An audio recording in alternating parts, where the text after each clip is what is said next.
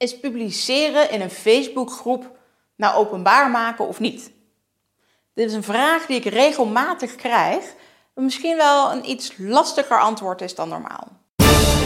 Charlotte, de social media jurist van Nederland. Facebook.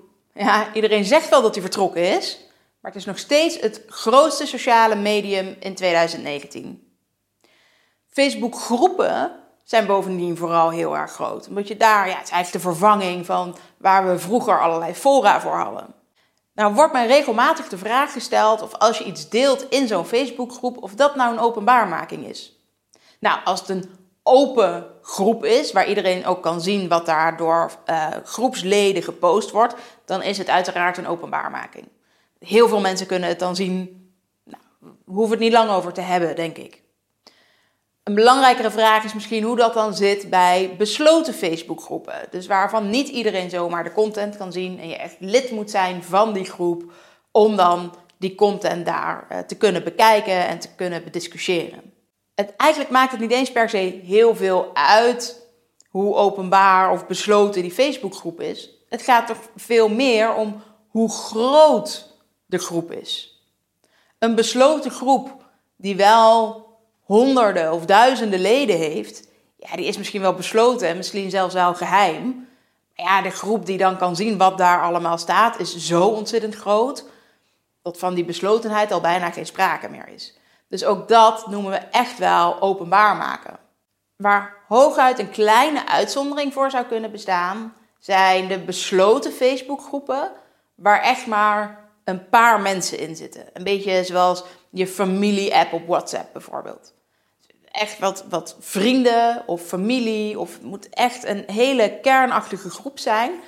En eigenlijk zou die ook gelijk moeten staan met familie of hele directe vrienden.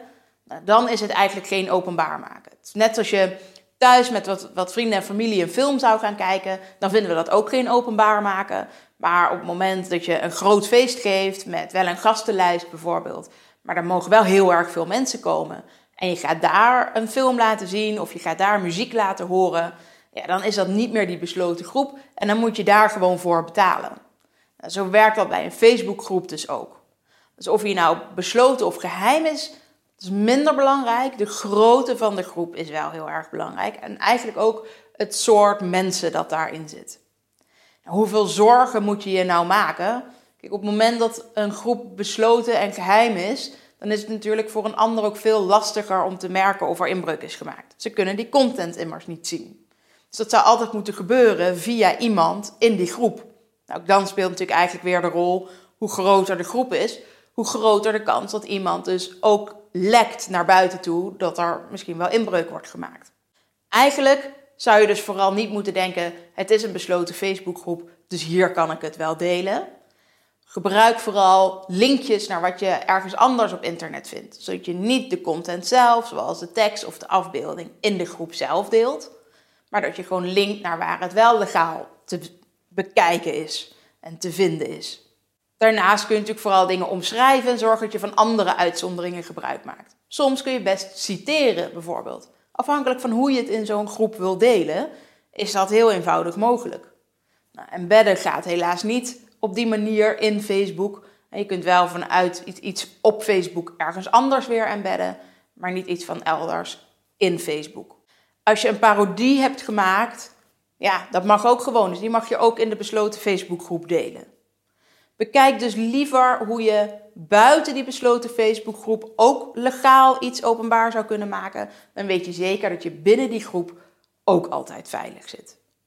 Want als er eenmaal inbreuk is gemaakt, dan is het geen argument dat het een besloten groep was. Mocht je nou nog meer vragen hebben over wanneer iets nou wel of niet openbaar maken is, wanneer je risico loopt op zo'n inbreuk of wil je zo'n inbreuk juist aanpakken, neem vooral contact op of laat bijvoorbeeld een comment achter hier onder de video.